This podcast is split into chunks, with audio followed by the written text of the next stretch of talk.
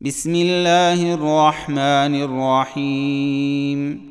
يا أيها النبي إذا طلقتم النساء فطلقوهن لعدتهن وأحصوا العدة.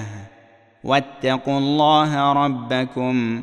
لا تخرجوهن من بيوتهن ولا يخرجن إلا أن يأتين بفاحشة مبينة وتلك حدود الله ومن يتعد حدود الله فقد ظلم نفسه لا تدري لعل الله يحدث بعد ذلك أمرا فإذا بلغن أجلهن فأمسكوهن بمعروف أو فارقوهن بمعروف وأشهدوا ذوي عدل منكم وأشهدوا ذوي عدل منكم وأقيموا الشهادة لله ذلكم يوعظ به من كان يؤمن بالله واليوم الآخر ومن يتق الله يجعل له مخرجا ويرزقه من حيث لا يحتسب. ومن يتوكل على الله فهو حسبه. إن الله بالغ أمره. قد جعل الله لكل شيء قدرا. واللائي يئسن من المحيض من نسائكم ان ارتبتم فعدتهن ثلاثة اشهر واللائي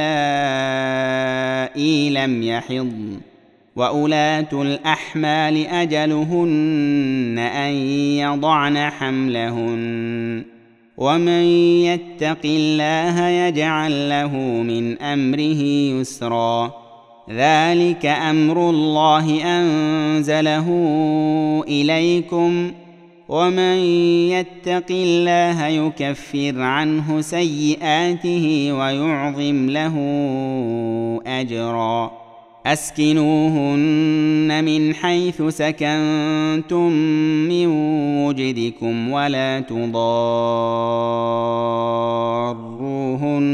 لتضيقوا عليهن. وإن كن أولات حمل فأنفقوا عليهن حتى يضعن حملهن.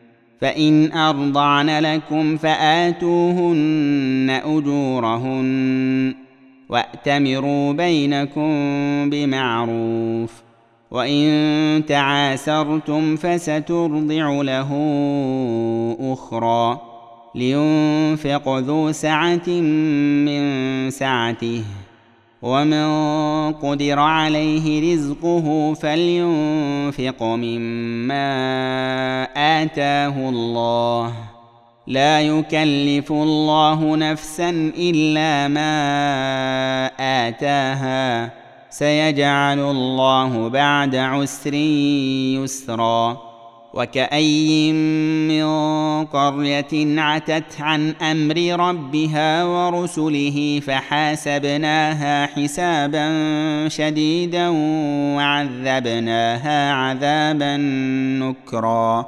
فذاقت وبال أمرها وكان عاقبة أمرها خسرا أعد الله لهم عذابا شديدا.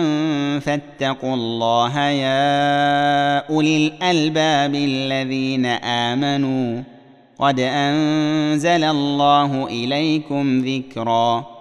رسولا يتلو عليكم آيات الله مبينات ليخرج الذين آمنوا وعملوا الصالحات من الظلمات إلى النور.